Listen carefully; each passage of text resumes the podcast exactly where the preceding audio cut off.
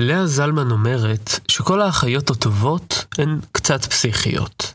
מה זה, תשמע, האחיות הטובות הן קצת פסיכיות, עזוב. בינינו. הפרק שתשמעו מיד עמוס בדמויות. יש בו ארבעה מרואיינים, שתי יבשות ושמונה ערים. יש כאן שתי משפחות שבעקבות המלחמה איבדו את רכושן, שינו את המעמד שלהן והחליפו את שפתן. אבל בסופו של דבר, הפרק שתכף תשמעו מדבר על אהבה ודאגה.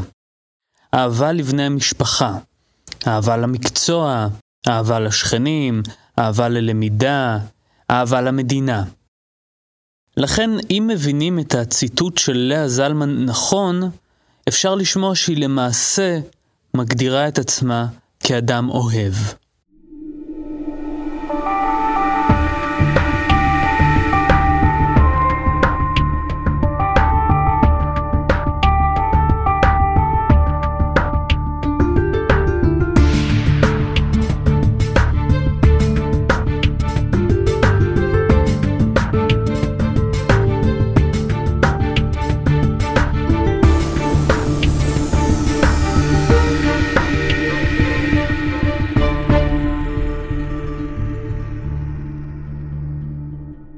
נולדתי בשנת 40, זאת אומרת, בעצם בעצם אני זוכרת דברים רק שהגלו אותנו מסופיה, ואחרי זה כשחזרנו לסופיה.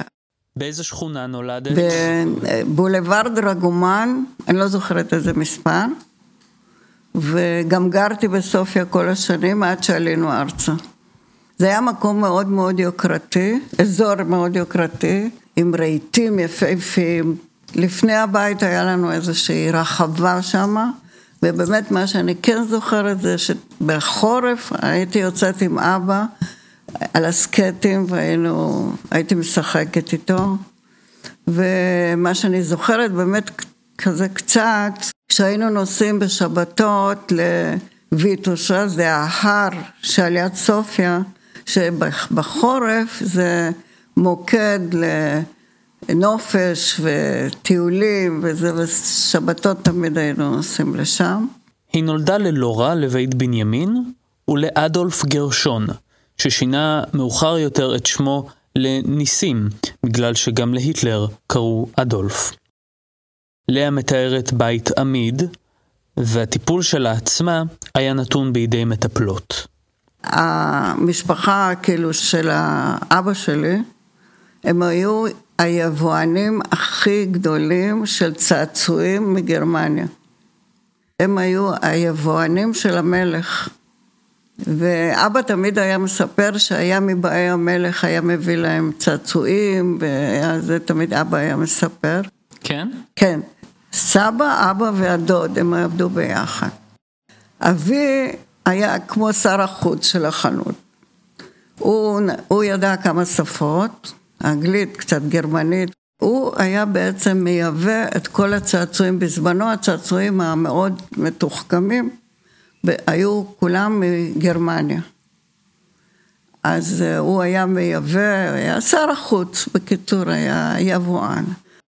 כשפעם ראשונה אני, נסענו לבולגריה, אני נסעתי עם ההורים ועם אחותי, קצת טיול שורשים, אז אני לא אשכח שהוא עלינו, נכנסנו לארמון, אז היה קומוניסטים, אז אה, כמובן שהארמון נראה נורא, אבל נכנסנו, והוא נעמד על המרפסת, ואמר, את יודעת, לאה, מפה המלך היה מנפנף לשלום. את זוכרת מתי גירשו אתכם? כן, אני לא זוכרת, אני קראתי ב-43. אה, היא בת שלוש. קצת פחות כנראה, משהו כזה ב-43, היינו ציונים במפורש. סבי היה בישראל במכביאדה הראשונה. הוא לא השתתף בזה, הוא רק בתור uh, תעשיין, אבל אבא שלי לפני, לפני הנישואים, הוא גם היה בארץ. הוא היה בארץ, הוא טייל, קנה דירה ברחוב אלנבי בלפור, וקנה חנות ב... בשוק הכרמל, החנות הראשונה או השנייה, אני לא זוכרת. כן? באיזשהו שלב, אה, אביו, כלומר סבי, אמר לו, מה אתה עושה שם? תבוא אצלנו, אני לא יכול להסתדר לבד, אין מי שיעשה קניות, אין מי שזה. בקיצור, חזר לבולגריה. והוא ידע עברית. היה מועדון של אה, הציונים מול הבית שלנו לכל הילדים הקטנים שאמורים לעלות לישראל. אז היו, היינו, היו לוקחים אותי או מתאספים, והיו מספרים לנו ארז זבת חלב, הכל יפה, טוב, פורח. איך נקרא המועדון? של ויצו, במועדון של ויצו. ובסוף היו נותנים לנו תמיד כפית של ריבת תפוזים. הריבה הייתה מתוקה, אבל מרה כלענה, כי אז לא ידעו כל כך כנראה לייצר את זה, אז היו, זה היה נורא מר. אבל מה זה אני אהבתי את זה, ועד היום אני מאוד אוהבת ריבת תפוזים, זה תמיד מזכיר לי זיכרונות יפהפיים. את תקופת המלחמה לאה זוכרת רק במעומעם, בגלל שבאותה תקופה הייתה רק בת שלוש. ב-43 הגלו אותנו לערי שדה. אני ואימי נסענו לתרגובשטה עם דודתי ואבא דודה שלי. אבא שלי ואבא שלה השנייה הלכו לעבוד בעבודת כפייה.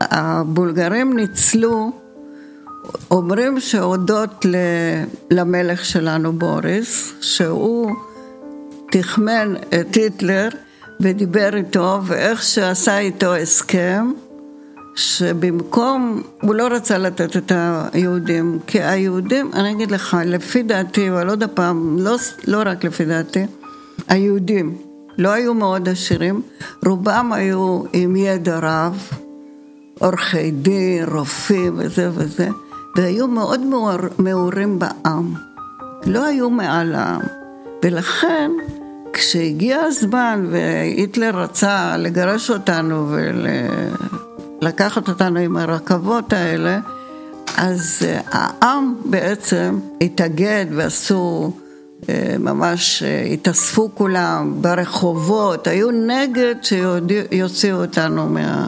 שישלחו אותנו להשמדה.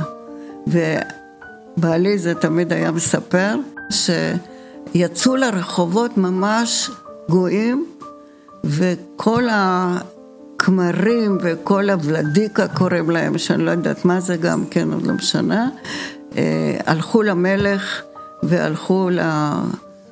כמו כנסת שם וכל הדברים, וממש ביקשו בכל מחיר, לא הסכימו שישלחו את היהודים להשמדה. כאילו העם היה בעדנו, שזה היה מאוד מאוד חשוב, ולכן אנחנו ניצלנו. אז ניצלנו בתנאי שהמלך בוריס הסכים שיהדות מקדוניה לא תהיה בהסכם. וכל יהדות מקדוניה הושמדה.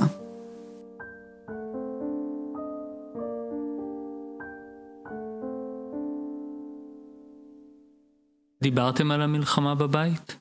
כמעט ולא. לא יודעת למה לא שאלנו בכלל זה. התהפוכות של אה, עברנו מהרי שדה לסופיה בחזרה, המלחמה היומיומית, הציונות התחילה, לה, התעוררה, אז התחלנו יותר להיות אה, כל מיני מקומות של ציונים וכל הדברים, והיום יום היה כל כך לחוץ, אתם לא יכולים להבין את זה, הדור שלכם לא יכול להבין. מלחמת קיום. היו שלוש עליות מבולגריה ב-49. אנחנו היינו בעלייה האחרונה, בשלישית. עכשיו, מה הייתה הבעיה? שלא נתנו אפשרות, זה באמת, גם זה חשוב. בבולגריה היה כבר, הקומוניסטים כבר היו, ולא נתנו ליהודים כל כך בקלות לצאת. לעשירים לא נתנו בכלל, כי רצו לקחת להם את כל הרכוש. ואנחנו, המשפחה שלנו, הגרעינית ממש, אחרונים קיבלנו אישור לצאת. ואימא שלי הייתה בוכה לילה לילה שהיא הייתה בוכה, היא אומרת לא קיבלנו אישור לצאת לבולגר... לישראל, לא קיבלנו אישור, לא קיבלנו אישור, זה הכל. בסוף קיבלתם. אנחנו עוזבים את הבית ועולים לישראל. זה היה, אנחנו עלינו באוקטובר, בבולגריה כבר היו שלגים וזה, אז באה כרכרה, ואני זוכרת שירדנו מהבית, אני לא כל כך הבנתי, אבל אני זוכרת שאמא שלי אמרה לי, תגידי שלום לבית, אבל אני לא הבנתי, לא הבנתי את זה. תגידי שלום לבית וזהו וזה, ואני זוכרת איך שהכרכרה לאט לאט לאט ככה יצאה מסופיה.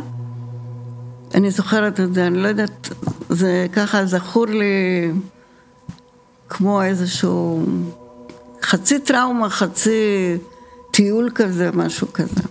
ולאן הכרכרה נסעה?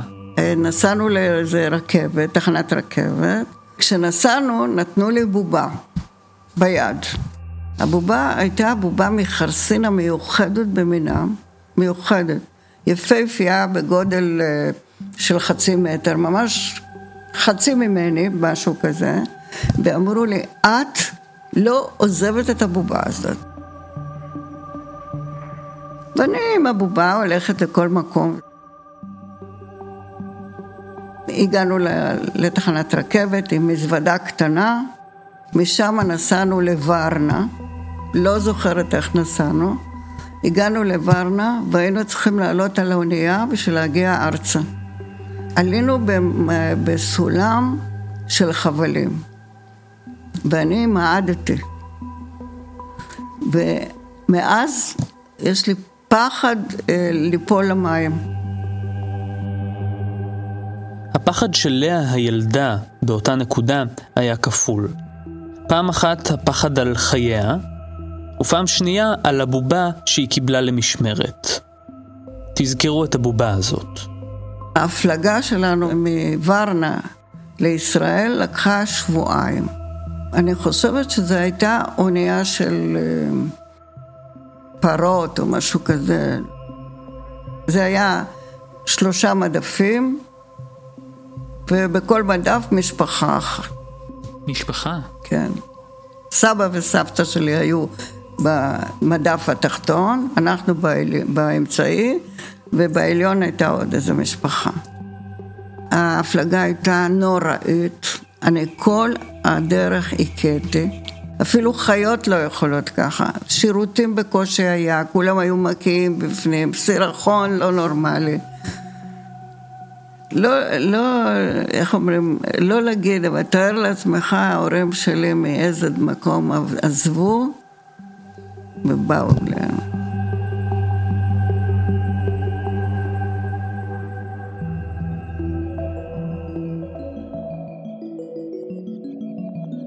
כשהגענו לישראל, אז כמובן שבשבילי זה היה ארץ זבת חלב ודבש. אני רואה ככה, אנחנו מתקרבים ואני רואה את חיפה. בחיפה, מה שאני זוכרת זה היה, יש רחוב שמהנמל עולה עד הכרמל. והיה בו אורות. ואני זוכרת כמו היום את השביל של האורות. אני זוכרת... אה, ואז כשהגענו בחיפה גם כן נתנו לנו, הנה עוד פעם, נתנו לנו תפוז וחתיכת חלה לבנה, שאנחנו כבר שבועיים כמעט לא אכלנו כלום. זה היה מעדן.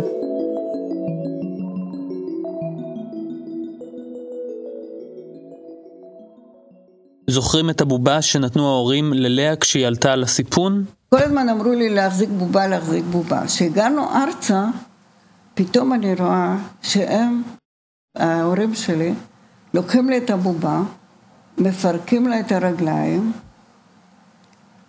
וכל התכשיטים, כל, מעט מאוד תכשיטים, מה שאפשר היה להכניס, מה שאבא שלי עשה, זה חתך את הרגליים של הבובה, הכניס לתוכה את התכשיטים, ונתן לי אותה ביד.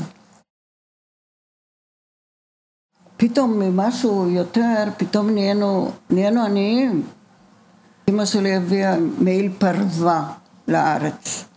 אז אני לא אשכח שאבא שלי לקח את המעיל פרווה ונסע לירושלים למכור אותו. שיהיה לנו לחם, שיהיה לנו מה לאכול. וכמובן התכשיטים לאט לאט נמכרו. מה עשיתם עם הרכוש? הרכוש? כן. איזה רכוש? לא, בא, לא נתנו לנו להעביר כסף, את הכסף השארנו שם, בית השארנו שם, ש, על שמנו, הכל נשאר שם.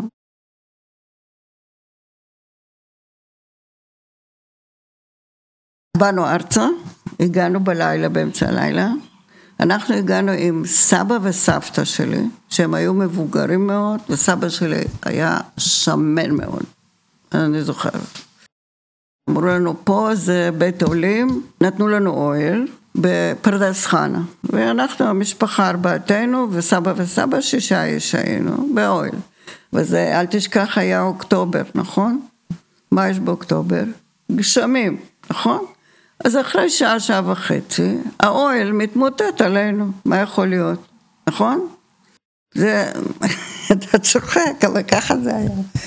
פתאום התחיל גשם, אני ככה, אני, זה, אני נזכרת.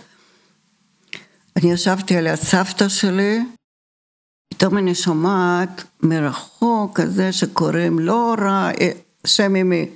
אז אני אומרת לי, מה, מישהו קורא לי, אז היא אומרת לי, אל תעזבי ילדתי, זה בסדר, אל תדעי, היא מרגיעה אותי, כי לא יכול להיות שבאמצע הלילה, במחנה עולים בסוף העולם, מישהו באמצע הלילה קורא לך לורה לורה, לא יכול להיות. בכל זאת אני התעקשתי, מה התברר? שהאח שלה ואחותה ידעו שאנחנו הגענו ארצה וחיפשו אותנו בשביל לסדר לנו איפה לישון. שם היינו נדמה לי שבועיים, שזה מינימום שבמינימום שבמינימום, כי כולם היו חודשים על חודשים. למרות זאת, כבר אני הרווחתי כסף, שתדע. היה לי בן דוד שהיה גדול ממני בשנתיים. אז כאילו, אני הגעתי בת שמונה וחצי, ארבעים ותשע, והוא היה כבר בן 11-12, הוא אמר לי, לילי בואי, אנחנו נרוויח כסף. לא כסף, שוקולד. אז אנחנו לא ידענו מה זה ילדים, עכשיו לכם יש שוקולד, בשבילנו קובייה אחת שוקולד זה היה... אז מה, כשהיו מגיעים עולים, אז היו מגיעים עם ילדים ועם מזוודות, נכון? אז עבר, עזרנו להם. או לקחנו את הילד, או לקחנו את המזוודה, והם נתנו לנו כמה, משהו, והיינו קונים שוקולד. אבל לא הייתי הרבה זמן בפרדס חנה, ואחר כך הדוד, אחת מהדודות, הייתה, היה לה ביפו כבר דירה. ישר אה, פרסמו אצל הבולגרים שביפו יש דירות נטושות. אז אצל הדודה, הלכנו לישון שם, אצל הדודה ביפו. היינו קצת זמן שם, לא הרבה באמת, קצת. וישר אבא שלי ודוד שלי הלכו לחפש דירה אה, נטושה. אז מצאו דירה נטושה ברחוב 60, שזה על יד יהודה הימין, גלי צה"ל. והגלי צה"ל זה בצד הזה של הגשר, ובאופק, אני לא יודעת אם אתה מכיר את המקום, יש גשר. אחרי הגשר, יש מין כזה מין מובלעת קטנה, והיינו עולים מדרגות, ולמעלה היה רחוב, ושם מצאנו אחת, שתיים, שלוש דירות. שם קיבלנו דירה, אני זוכרת שעלינו לדירה, כנראה שאלה שעזבו את הדירה, הם עזבו אותה ממש ברחו. גרנו כמה שנים טובות, ממש, וגר, ולמדתי בבית ספר בשבי ציון, וכמובן שכולם היינו עולים חדשים, מכל האזורים, לא רק מבולגריה. ולא ידענו עברית כמובן, נכון? לא ידענו עברית. חוץ מאבא שלך. אבא שלי ידע עברית, כן. האמת שעשו לנו כזה מין שטיפת מוח בבית ספר, שאנחנו צריכים לדבר רק עברית. עכשיו, מה היינו באים הביתה? לא מדברים את השפה, רק עברית. אז ככה הכרחנו את ההורים ללמוד עברית. לא משנה שאבא ידע עברית, אבל כבר אימא גם כן ידעה, התחילה ללמוד עברית, ואני באמת הייתי כאילו מדברת רק עברית. אני אה, למדתי שמה, אגב, כיתה א' וב' בחיים לא למדתי. כאילו לא למדתי, ישר באתי לכיתה ג' פה. איך? אה, הייתי, היה מלחמה, לא, לא התאמתי בגיל. בבולגריה היו מתחילים יותר מאוחר, בגיל שבע, בארץ התחילו בגיל שש. אני הגעתי בת שמונה. האמת שהבית ספר היה מין אה, משהו מאוד מאוד חשוב, כי בבית לא היה יציב, לא היה אוכל ולא היה עבודה. ובני זוג היה להם מאוד קשה, ואימא שלי הלכה לעבודה, בעבודה קשה מאוד הייתה עובדת, שאף פעם בחיים היא לא עבדה. אבא שלי הלך לעבוד בפרדס, שבחיים לא ידע מה זה. והמוקד של המשפחה, לפחות אני הרגשתי ככה, זה היה בית ספר. ועוד יותר נכון, אני זוכרת את זה, ואתמול הסתכלתי על התמונות, היה לנו צהרון. זה היה מקום שהיינו אוכלים. ובצהרון, היה צהרון נהדר. אז גם אחותי וגם אני כבר היינו בצהרון, עד שאמא הייתה מגיעה בארבע, לא הייתה באה לקחת אותנו. אנחנו היינו הולכים הביתה, מסדרים את הבית, לפעמים עושים כלים, מה שצריך, עד שהייתה מגיעה מעבודה. אבל uh, הצהרון מאוד מאוד, אני זוכרת, למדתי מאוד את החיים בארץ. היה לנו מדריך, היה מדריך נהדר, בחור צעיר, והוא הדריך אותנו כל מיני דברים, תשמע יוסי, איך לחיות בארץ. למשל, איך לצאת אה, לבריכה, בסדר? איך לצאת לתל אביב, גם איך לאכול, איך, אה, איך להתנהג, זה היה כמו חצי משפחה כזאת, כי ההורים, לא היה להם זמן להשקיע בנו. הם היו טרודים ביום יום במלחמת הקיום. שנות החמישים המוקדמות. מדינת ישראל הצעירה מתמודדת עם גלי הגירה המוניים. המדיניות השלטת במדינה היא מדיניות הצנע, מתקיימת הגבלה על רכישת מזון ומוצרי צריכה. חודשיים לא חיבקתי את אחותי. מה שלומך, ממילי? איזה כיף לראות אותך. בשלב הזה מצטרפת לשיחה שלנו מלכה, אחותה של לאה, ילידת בולגריה גם היא, הצעירה מלאה בחמש שנים. אבא בהתחלה הוא עבד בבניית ארגזים לתפוזים. ואחר כך הוא גם עבד באיזשהו עוד מקום, כל מיני עבודות דחק. בעצם הוא עבד רק שלוש פעמים בשבוע, היו נלחמים על כל יום עבודה, ממש נלחמים על, על ימי עבודה, לא חשוב מה. אבל אבא לא היה כזה חזק, היה חלוש כזה, ובאיזשהו שלב הוא התחיל, אה, פתח איזושהי בסטה כזאת של בית תל אביב, מרכז בעלי מלאכה. ושם הוא, הוא התחיל אה, למכור כל מיני דברים, כזה גלנטריה כזאת. ואימא בהתחלה התחילה לעבוד בקופת חולים, והייתה נוסעת בארבע בבוקר באמצע הלילה, היו באים לקחת אותה. והייתה דווקא עובדת בתל אביב, נכון? עבדה נכון. בתל אביב. והיו באים בארבע לקחת אותה, והייתה חוזרת בארבע אחרי צהריים. מה היא עשתה שם? עשתה ניקיון. עובדת בניקיון? בניקיון, לא פחות, לא יותר. מזה שבבולגריה לי הייתה אומנת ועוזרת. אה? זה לא סיפרתי.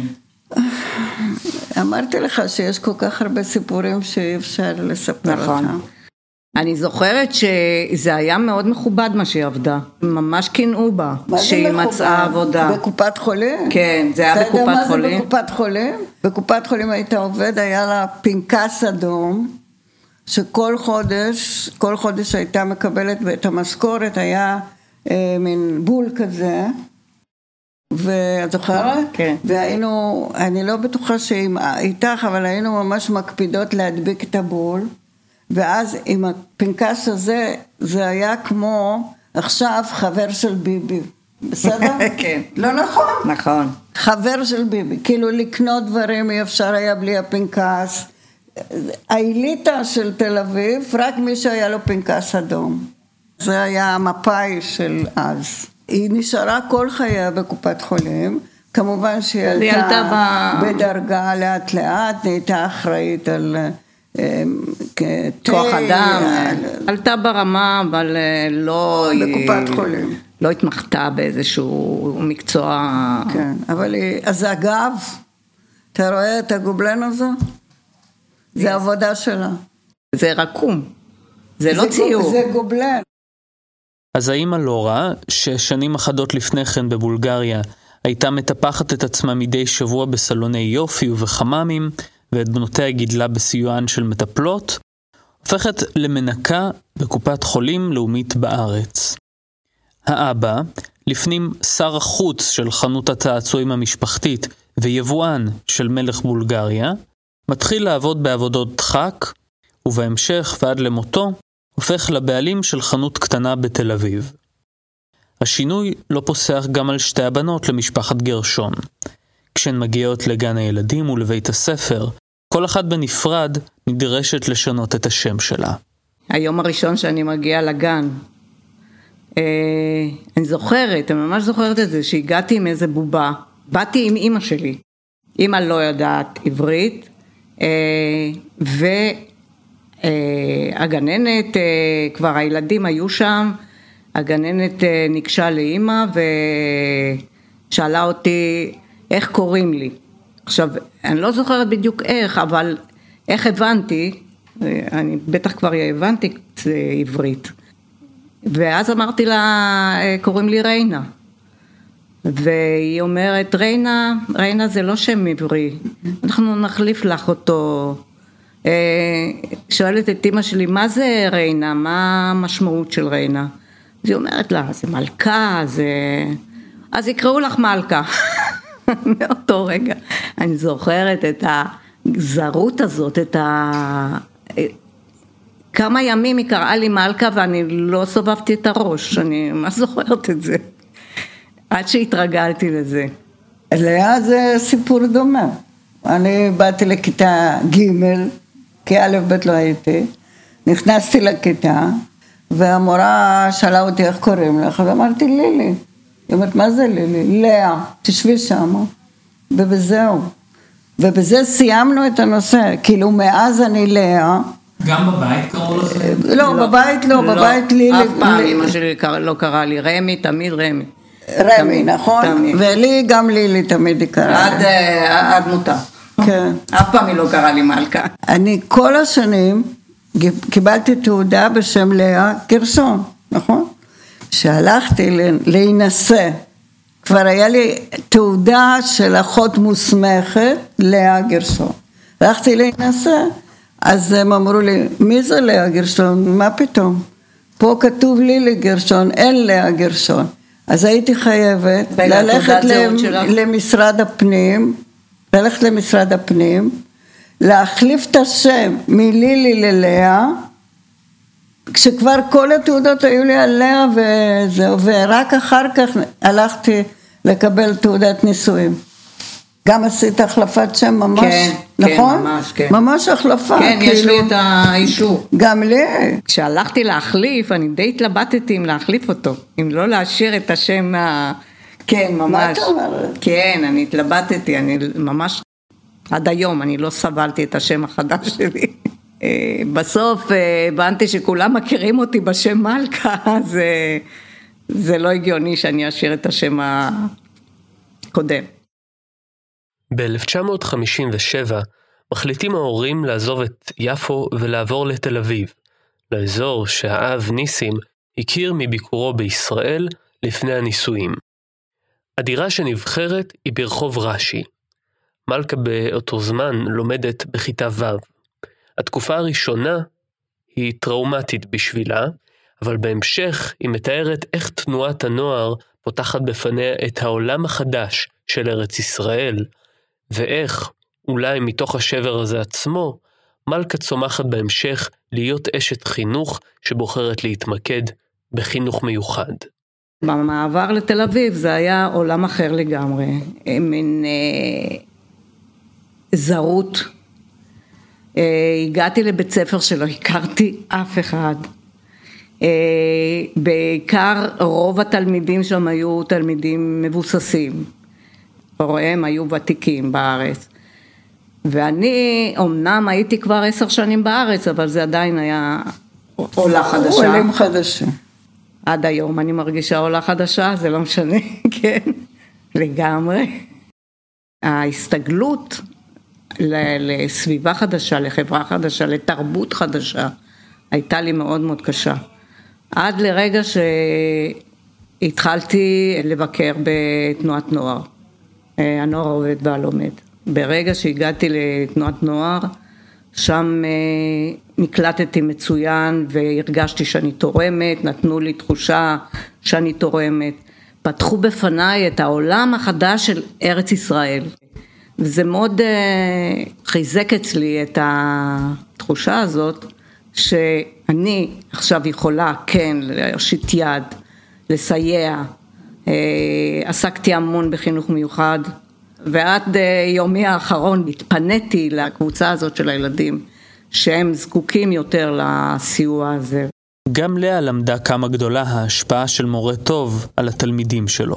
אני לא יודעת אם אתה שמעת אריאל לבנון שהוא מלחין. המלחין, כן. הוא היה מורה שלי, היה לנו מקהלה בבית ספר, את, את הספקת להיות כן, במקהלה? גם את הספקת. כן, כן. הוא היה מורה שלי. תשמע, בזמנו, נכון. הופענו ברדיו. וואלה. אתה יודע מה זה ברדיו? זה כמו, עוד פעם אני אגיד לך, כמו אצל אני זוכרת שגם אה, מוזיקה קלאסית הוא היה מלמד. קלאסית. כולי, כולה, כולי, כולה. נכון. כן, אני זוכרת את זה. את רואה, את זוכרת את זה. והיה לנו גם מורה לתנ"ך, הוא לימד אותנו. אני לא יודעת, אני לא, לא יכולה להסביר לך איך לחיות בישראל הוא לימד כן, אותנו. כן, נכון. אני זוכרת אותו כל כך טוב. אבל אה, אולי אני אחדש לך משהו שעכשיו לא ידעתי שהוא היה מורה שלך, לא זכרתי. ברור. שהוא היה מורה שלך. כן. הוא היה אה, עובר ליד הבודקה של אבא. אה, כן? כן. והוא היה נכנס ומדבר איתו. מה טוב, הוא זכר אותי, אני לא ידעתי שאת גם כן היית. כן. והוא היה עומד שם ומדבר איתו. וואו. אין, הבן אדם, אני, באמת, רוב המורים היו מאוד אנושיים כאלה, ממש, אני אומרת לך, וזה היה ביפו. לא, זה מאפיין את הקליטה, התקופה של הקליטה של העולים באותה תקופה, שהיו זקוקים לאוזן קשבת, ו... בזכות, בזכותם בעצם אנחנו נקלטנו בארץ, זה לגמרי. משנת 1960, במהלך יותר מ-40 שנים, שימשה לאה כאחות בבית החולים איכילוב בתל אביב. התחלות חדשות, הקמה של מחלקות, אין ספור פציינטים, את כל אלה ליוותה לאה במהלך השנים. אני למה הלכתי לסיעוד, אני אגיד לך למה. פשוט מאוד, בזמנו בנות היו הולכות. או לפקידות, או לסיעוד, הבנות היותר מלומדות כאילו, כן, היו הולכות לסיעוד, או פקידות סתם, וגם מורות, אבל מורות עוד לא היה כזה, זה הכי יוקרתי זה היה ללכת להיות אחות. ואתה יודע למה, כי מלחמה הייתה. מלחמת העצמאות הייתה וזה, ואז היוקרה של זה עלתה. עובדה ששחררו אותנו מהצבא. כאילו במקום שנתיים, במקום שלוש שנים אז עשינו צבא, היינו נרשמות לבית ספר לאחיות וזה היה שווה צבא. עכשיו, גם כשגמרנו בית ספר לאחיות, אה, אולי שתיים שלוש היו מתגייסות, לא ממש, אבל ישר, יכולנו, ישר היינו מקבלות דרגה מה זה דרגה צבאית? כן, כן, קצינות. עשיתי אחד ועוד אחד, אמרתי, אחות זה הכי יוקרתי, למה שאני לא אלך להיות אחות? ועוד דבר, אני מאוד אהבתי לצייר, מקטנה. גם כשהייתי קטנה מאוד אהבתי לצייר, והמורה לציור תמיד היללה אותי, ואפילו בכיתה ז'-ח' לקחה את הציורים שלי והציגה אותם. יש לי גם משנת 55 ציור, שאני ציירתי. ומאוד אהבתי ציור, אבל מי הלך ללמוד ציור? רק הילדים המאוד עשירים, וגם, וגם, אם את רצית ללמוד אומנות וציור, זה רק בצרפת, לא היה במקום אחר ללמוד משהו, היה בית ספר אבני וזהו, לא היה משהו אחר. אז עשיתי חשבון. להיות אחות אפשר בכל העולם, ולא צריך שפה, כי לטינית זה שפה בינלאומית. אז עדיף ללכת ללמוד אחות, ואח יהיה לי מקצוע, ואז אני אוכל בכל העולם ללכת ללמוד ציור. הבנת? זהו. עכשיו, מה שקרה באמת באמת זה שהתאהבתי במקצוע.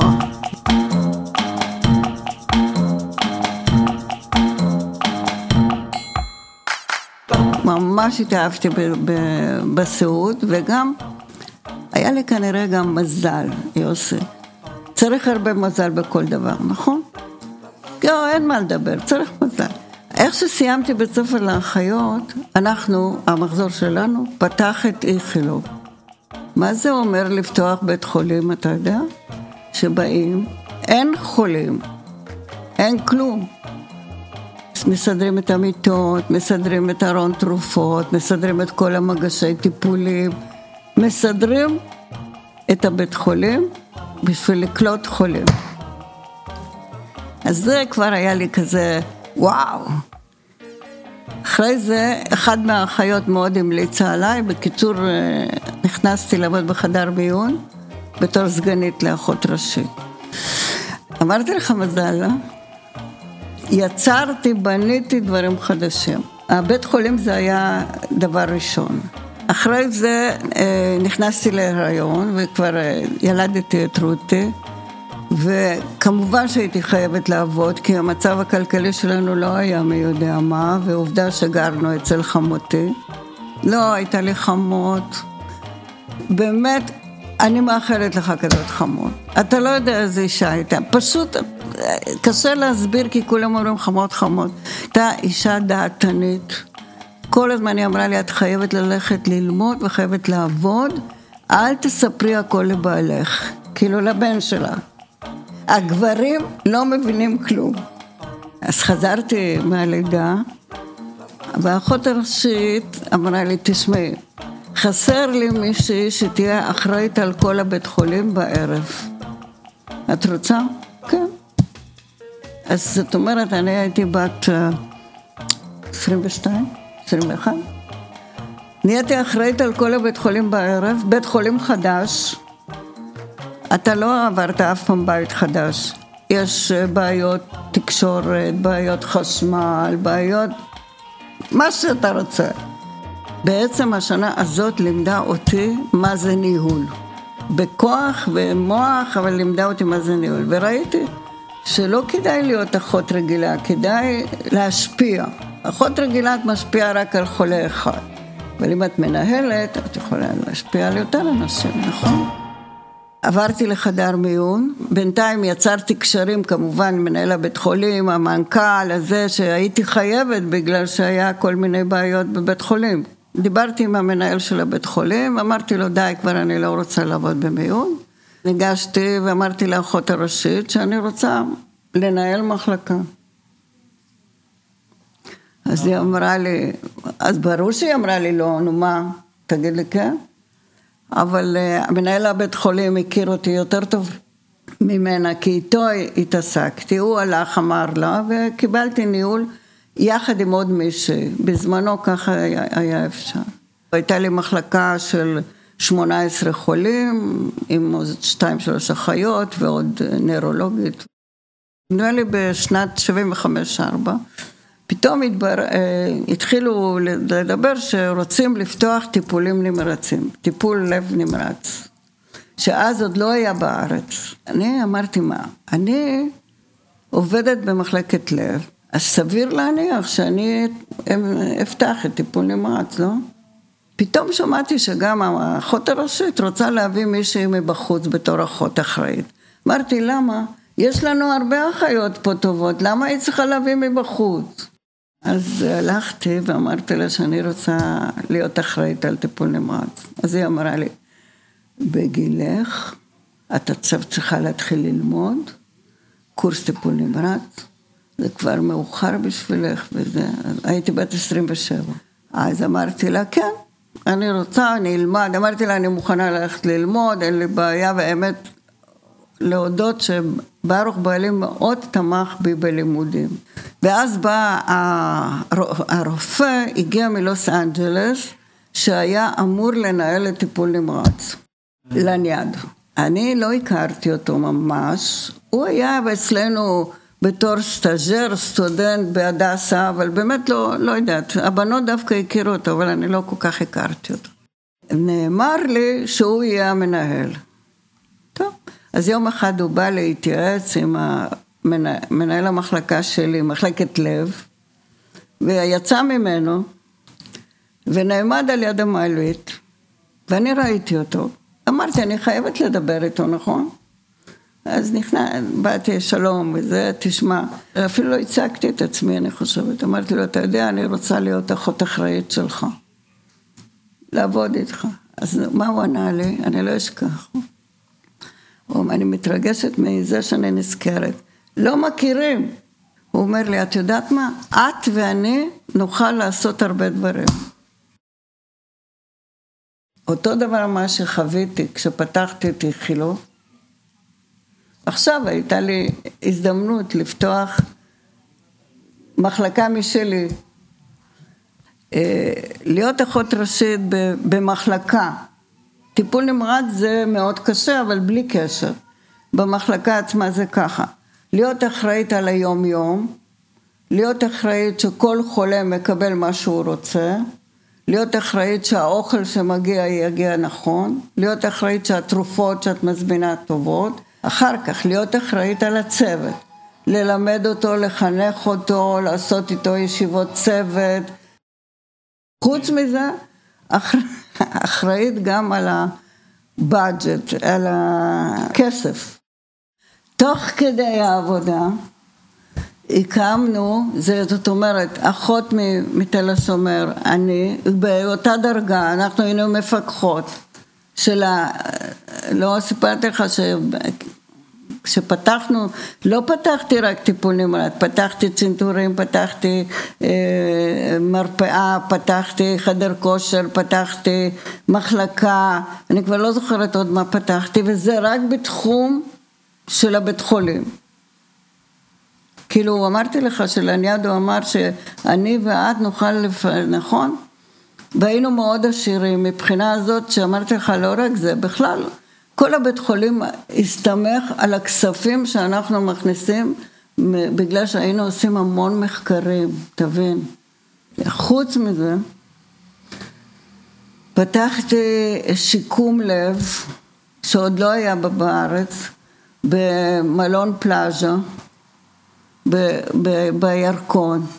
אנחנו עם פרופסור לניאדו ועוד מישהו, פתחנו אה, קומה שלמה של חולים שמשתחררים מבית החולים, אבל עדיין מפחדים להיות בבית, כמו בית מלון, עם רופא צמוד, הרצאות, הייתי נותנת להם הרצאות, איך להתנהג, יחסי מין וכל מיני דברים כאלה, שזה מאוד מאוד מאוד חשוב לחולה שעבר התקף לב, בסדר? קיבלתי קומה וארגנתי את המקום תוך כדי שעבדתי בבית החולים. וואו, במקביל? מקביל, מקביל.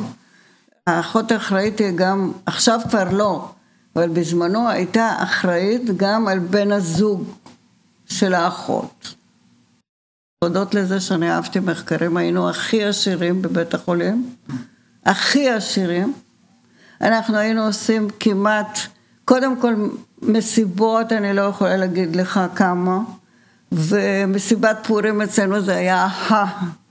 עם בני הזוג, כל מיני צ'ופרים עם בני הזוג, הולכים למסעדה עם בן הזוג.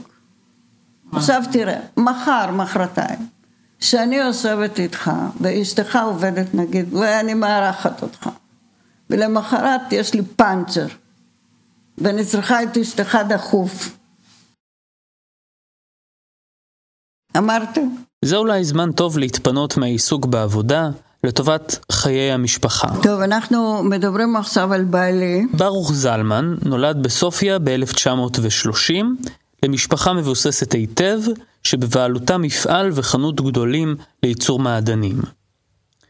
המשפחה של ברוך הגיעה לכפר אנה, לימים אור יהודה. הם מצאו בית שכל החלונות והדלתות שלו נגנבו, כך שכל חלקי הבית היו חשופים. בזמן המלחמה, את המפעל אבא שלו העביר לגוי לפי צו, מכיוון שהלאימו את כל הדברים של היהודים. הוא בא לחנות החדש, בעצם היה אדם טוב, והוא סיפק להם מזון בעיר השדה שהם הוגלו. וככה הם היו די אה, במצב טוב במקום, היה שם איזה בית אה, תמחוי כזה, לתת אוכל ליהודים שהגלו אותם לערי שדה, והם היו תורמים אוכל לבית תמחוי. בסוף כל הבולגרים עלו בערך בשלוש שליות, אבל בגלל שהוא לא סיים את הלימודים, אבא שלו לא נתן לו אישור לעלות ארצה רק אחרי שהוא יגמור את הבית ספר, שיהיה לו תעודה. ואז אה, באמת מה שסופר לי, על ידי ברוך כמובן, שהיו שמונה תלמידים יהודים שהיו צריכים לעשות במיוחד בחינה לפני סוף השנה כדי שיוכלו לעלות לארץ כי אחרת הקומוניסטים כבר רצו לסגור את השערים ואת הגבולות ולא נתנו ליהודים יותר לעלות ארצה. אז הם אה, למדו במיוחד ונבחנו והמנהל, זה מה שהוא סיפר, כל הזמן אמר להם שהם צריכים לקבל לא סתם הנדסאי מוסמך, אבל במיוחד מצטיין. אם לא יגמרו במצטיין, הוא לא ייתן להם תעודה. וזה למה? הוא אמר ככה, המנהל דרש ציונים גבוהים בדעה שהם השגרירים של בולגריה ושל הבית ספר שלו ולכן הם עולים עכשיו לישראל והוא רוצה להתגאות בהם וזה ציטוט מברוך. ב-49 עלו לארץ למחנה העולים עתלית משם ברוך ואבא שלו ירדו ליפו לחפש עבודה ובית ופולי הייתה אחותו את פולי הכניסו לפנימייה בבן שמן. והיא בעצם לא, לא חוותה את הנושא הזה, היא הייתה בפנימייה ולא חוותה את הנושא של העלייה. ברוך גר ביפו בהתחלה, הוא כבר היה בן 19, כאילו בחור גדול. ברוך גר ביפו אצל קרואי משפחה ועבד בתחילה בגראז', לאחר מכן בעבודות מזדמנות. ובאיזשהו שלב ברוך מצא עבודה בסולל בונה, אבל זה היה לזמן קצר, ולאחר מזה הוא התגייס לצבא לחיל הים. עכשיו למה לקחו אותו לחיל הים? כי הוא כבר היה הנדסאי, ואז אה, חיפשו מהנדסים בשביל להפעיל את המכונות בסטילים או מה שהיה. אז לקחו אותו ישר לחיל הים, הוא דווקא היה מאוד מרוצה בחיל הים. בזמן הזה, ההוא, הסורים כל הזמן היו מתקיפים את יישובי הצפון בכנרת. והם הועברו, היחידה שלו הועברה לשמור על האזורים בכנרת, על כל היישובים בכנרת. כל הצד הצפוני של הכנרת היה שייך לסורים עד המים. עד המים. אנחנו כבשנו את זה אחר כך באחד המלחמות. והם היה להם, אני לא יודעת איזה ספינה או משהו, והם היו שומרים כל הלילה מסתובבים. עכשיו, הוא תמיד היה מספר שזה היה הזמנים הכי טובים. למה הם היו שומרים, היו באים לקיבוצים, היו אומרים, אנחנו שומרים, תנו לנו דגים, היו פותחים, מדליקים אש, עושים כיף עם הבנות ועל האש, היה לו תקופה מאוד מאוד טובה, הוא מאוד תמיד היה מספר. אבא שלו בינתיים פה בכפר אנה, אור יהודה, פתח חנות למכירת בשר בתלושים אז היה, וכמובן שכל המשפחה התגייסה. אחרי שהשתחרר מהצבא, הלך לעבוד בתל אביב, הוא עבד בנווה שאנן. ואז הוא נכנס לעשות בהפצת לחם, בשכר דירה, ובקיצור היה לו כיף גם כן, הוא עבד בתל אביב והיה לו כיף. עכשיו, מכיוון שהיה בעסקי הלחם, הוא חשב לפתוח עסק עצמאי עם שותף, והם פתחו את מאפיית לחם בכפר האנפו. ולפתיחת המאפייה נדרש סכום, סכום כסף, ואת זה הוא קיבל בהלוואה מאדם פרטי, חבר של אבא שלו. דומה שקיים דמיון רב בין הסיפור האישי של לאה והשתקעותה בישראל לבין הסיפור האישי של ברוך. אה, הבן דוד שלי אה, עבד, הוא היה מתקין דודים, והוא התקין במאפייה דודים וכל מיני דברים. והוא ראה שברוך הוא בחור חרוץ ועובד וזה וזה, אתה יודע, כזה מתערה בבניית המאפייה. אז הוא אמר, מה, תגיד לי, למה אתה עובד כזה פה וזה, מה אכפת לך, אלה, אל תעבוד כל כך קשה. אז הוא אמר, מה זאת אומרת, זה שלי. זה, אז הוא אמר, מה, אתה בעל הבית? וזה הדליק לו נורא, ואני בדיוק אז אה, הייתי בשנה האחרונה בבית ספר לאחיות, ובדיוק הייתי פנויה, לא היה לי אף חבר באותו רגע. אז הוא שאל אותי, תגידי, יש לי בחור נחמד, והוא בעל מאפייה. הוא אמר, את רוצה, לה, את רוצה להכיר אותו? אז אמרתי, בסדר, מה אכפת לנו? בת 18 וכמה זה, מה זה משנה? לא משנה. אמרתי, יאללה, נו, נראה, עוד גרתי, גרתי בפנימייה, כן? בקיצור, אבא דודה שלי הכירו בינינו. בפגישה הראשונה הוא ממש מצא חן בעיניי, אני מוכרחה להגיד לך. העיניים המחייכות, מזמינות. היה לו עיניים כאלה של חיוך כזה, איך שראה אותי, הוא לא מכיר את זה, כזה חיוך כזה יפה ומזמין. ישבנו באיזה בית קפה וזה, והזמנו פירות וזה, והוא לקח תפוח, קילף לי אותו ונתן לי חתיכה. אמרתי, וואלה, אחד כזה, יכול להיות שיהיה לי טוב איתו. אה, ואז אמרתי בליבי שכדאי לי להכיר. כמה זמן את וברוך יצאתם? אה, אני חושבת יותר משנה, משהו כזה. החלטנו להתחתן, אבל כמובן שלא היה לנו גם גב תומך לא מצד הזה ולא מצד הזה. אנחנו לבד הקמנו כל דבר. חבר'ה, שתדעו, גם הנכדים, מאלף עד תו. אך כמובן שכסף לא היה לנו, אז את החתונה, החתונה נערכה בבית הכנסת של הבולגרים ביפו. עם הרב הידוע אברמיקו, וכמובן שאימא שלי ארגנה את המקהלת צדיקוס המקסימה. כדי שלפחות יהיה משהו, תשמע, אם בבית כנסת אז גם עם מקהלה וזה, שזה יהיה נחמד כזה. ואנחנו עם ברוך נסענו לירח דבש קצר בטבעון. התחלנו לגור בחדר ההורים של ברוך, שגרנו חמש שנים שם. כמובן שהכל היה משותף, מטבח, שירותים, מקלחת, הכל. ואני התחלתי ישר לעבוד בחדר מיון באיכילוב. וברוך המשיך לפתח את המאפייה, ועדיין היה לנו חובות גדולים. כל שבוע היה מגיע מישהו, לא הבחור הזה שנתן את ההלוואה, היה עוד הלוואות, ודורש את הריבית של הכסף שהוא הלווה לנו, אך ורק הריבית. והריבית בדרך כלל הייתה בגובה של המשכורת שלי שאני עבדתי. ב-1961 נולדה רותי, ושש שנים אחריה, ב-67, נולד צחי, שני הילדים של לאה וברוך. בשלב הזה, גם הם מצטרפים לשיחה. עד גיל חמש אה, גרתי בכפר אנה באור יהודה. אה, בעצם אה, חוויתי חוויה משפחתית מאוד מיוחדת. כי גרנו עם סבא וסבתא, ההורים של האבא שלי. אימא הייתה עובדת מבוקר עד לילה, וגם אבא היה עובד מבוקר עד לילה. כך שאני אה, יכולה לזקוף לזכות הסבא והסבתא ובעיקר הסבתא את השנים הרכות האלה. אין לי שום ספק שהם עיצבו את מי, מי אני היום.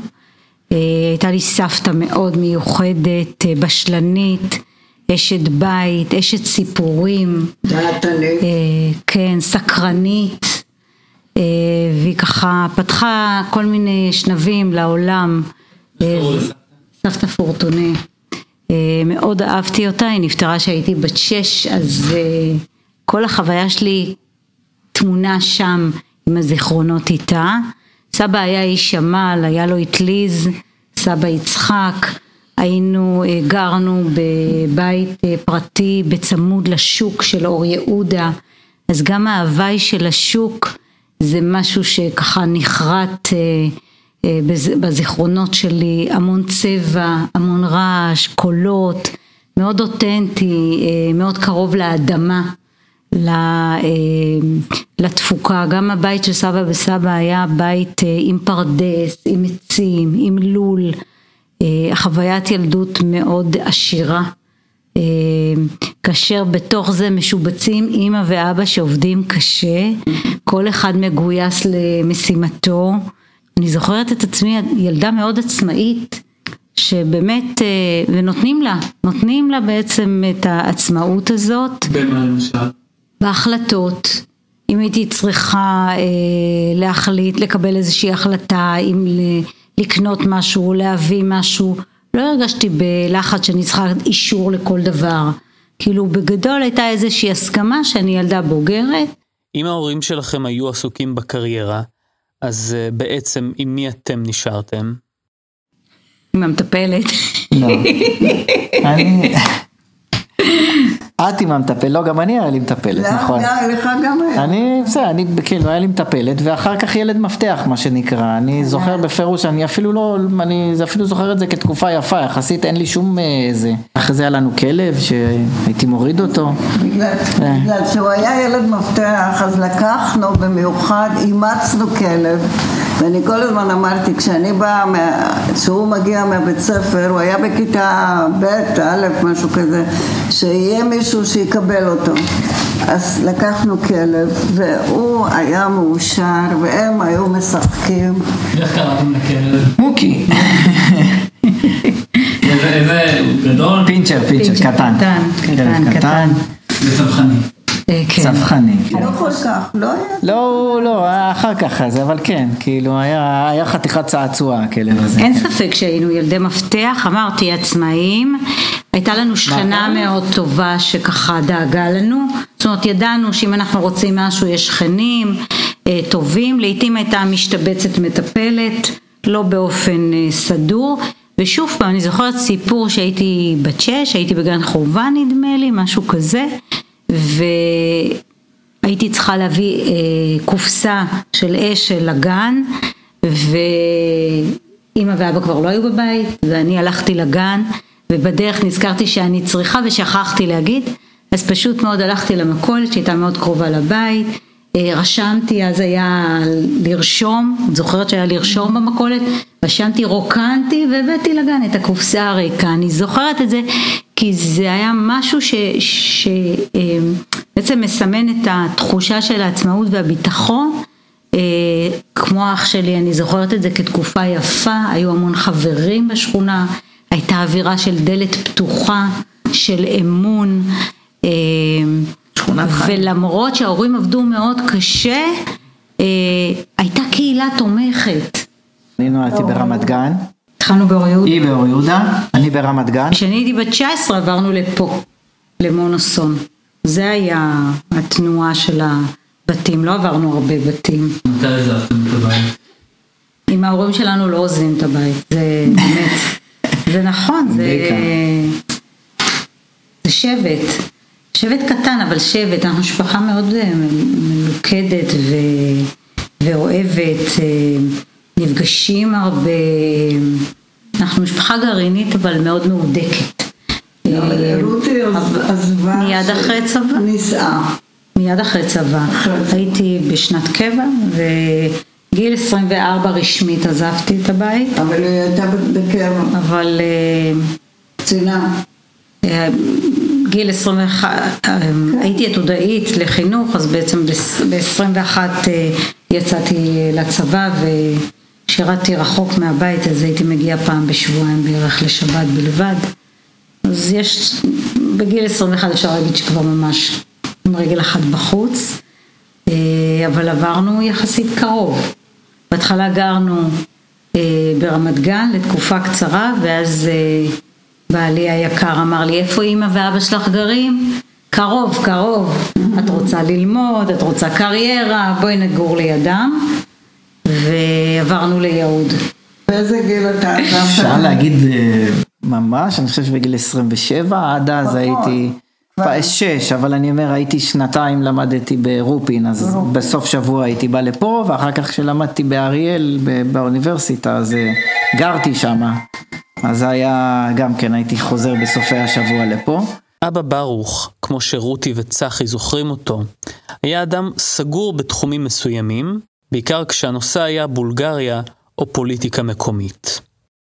מצד שני, כשמדובר היה בדאגה לשכנים ולזולת בכלל, אבא ברוך היה הראשון לעזור. אבא שלי לא אהב להתעסק במה שהיה בבולגריה, אבל בעיקרון החוויה שאני הרגשתי, א', סוג של אה, אה, חינוך קומוניסטי שהוא קיבל, וזה היה מושרש אצלו לכל הדעות, זאת אומרת, גם, גם בדברים הטובים וגם הפחות, מבחינת תפיסות עולם מאוד קשיחות.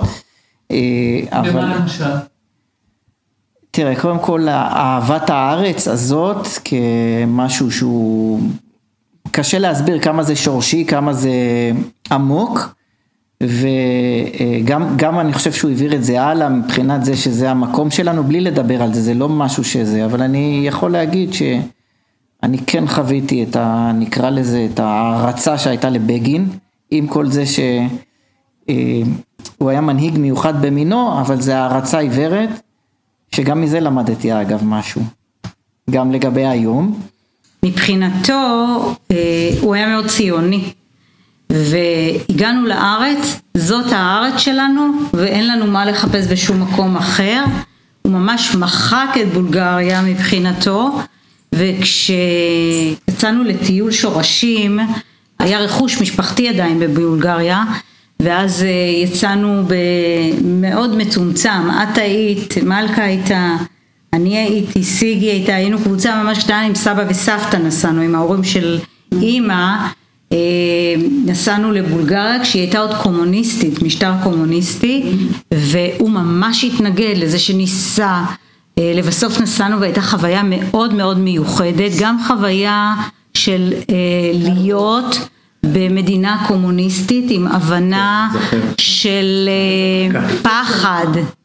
הבר מצווה שלך לא, נסענו לשם. כי נסענו לפני או אחרי? נסענו לא, פעם אחת לבד. נסענו יותר מפעם אחת. פעם אחת לבד ופעם אחת. פעם אחת נסענו עם סבא לורה כן. וסבא, עם סבתא לורה וסבא ניסים.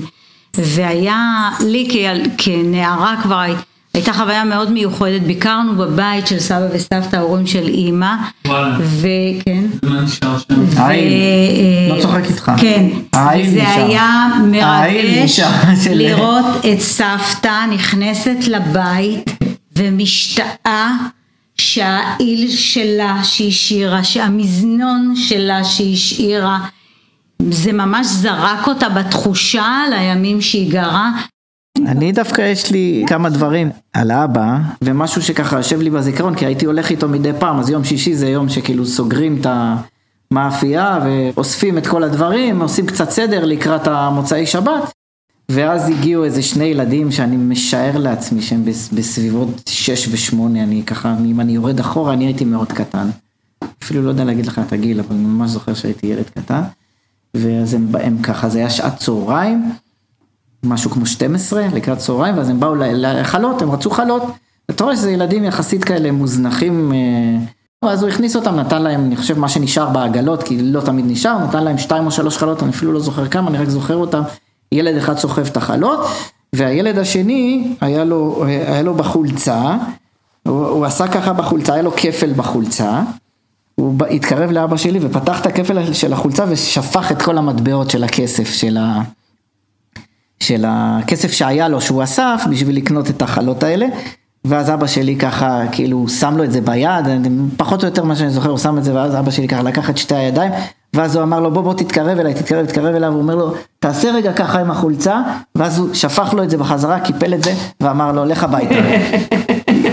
כאילו, אני עד עכשיו זוכר שכאילו זה משהו שכאילו, עוד הייתי ילד, היה סוג של אנטיתזה, כאילו הילד משלם לו, ואז הוא מחזיר לו ואומר לו, לך, לך, לך הביתה. ואני אומר, זה, זה איזשהו משהו שאני חושב שמאוד מאוד מאוד אפיין אותו. הוא היה מאמץ ילדים עזובים וילדים מוגבלים שכלית, ולקח אותם למאפייה תחת חסותו, וממש היו, הפכו להיות כמו הילדים של, שלו. ואחד מהם אני ממש זוכרת את דני, אה, דני. אה, שלצערנו נכון. גם הוא. נפטר. נכון שהם היו אה, ילדים מוגבלים שנשארו לעבוד איתו כל חייהם גם כאנשים מבוגרים אה, ומבחינה, בכלל אה, הקהילה באור יהודה מאוד מאוד העריכה את אבא ומאוד אהבה, הוא היה שם דבר באור יהודה אה, כי באמת אדם בעל לב רחב ונתינה ושדואג לא רק לעצמו אלא לקהילה. חוזרים ללאה. שמעתי לאה שהיית אחת הנשים הראשונות בארץ שהוציאו רישיון נהיגה. נכון, איך אתה יודע? מי שזה... איך אני יודע? בחברה שלנו בתל אביב, אני הייתי הראשונה. אחד מהרופאים, אני לא אשכח, מסכן, זיכרונו לברכה, נפל במלחמת אה, שלום הגליל הראשונה. הוא היה לו רכב, לא כל בחור היה לו רכב. אז הוא ראה אותי נוהגת בכיכר דיזנגוף, בכיכר. נעמד באמצע, היה לו רמקול באוטו וצעק, תעצרו כולם, לאה נוהגת, תעצרו כולם, אמרתי, וזהו, הוא היה עם האוטו שלו. נכון, אבל זה הודות לברוך, לבעלי. כי הוא אמר לי, את חייבת שיהיה לך אוטו. מצאתי מורה שבא לקראתי, והשיעורים שלי היו בזמן הנסיעה, כאילו, היה בא לקחת אותי מאיכילוב, מביא אותי עד הבית. ככה היה לוקח לי שעה להגיע הביתה. וככה, את השעה הזאת הייתי עושה. לקראת סיום, אני מבקש מלאה לספר על היציאה לפנסיה.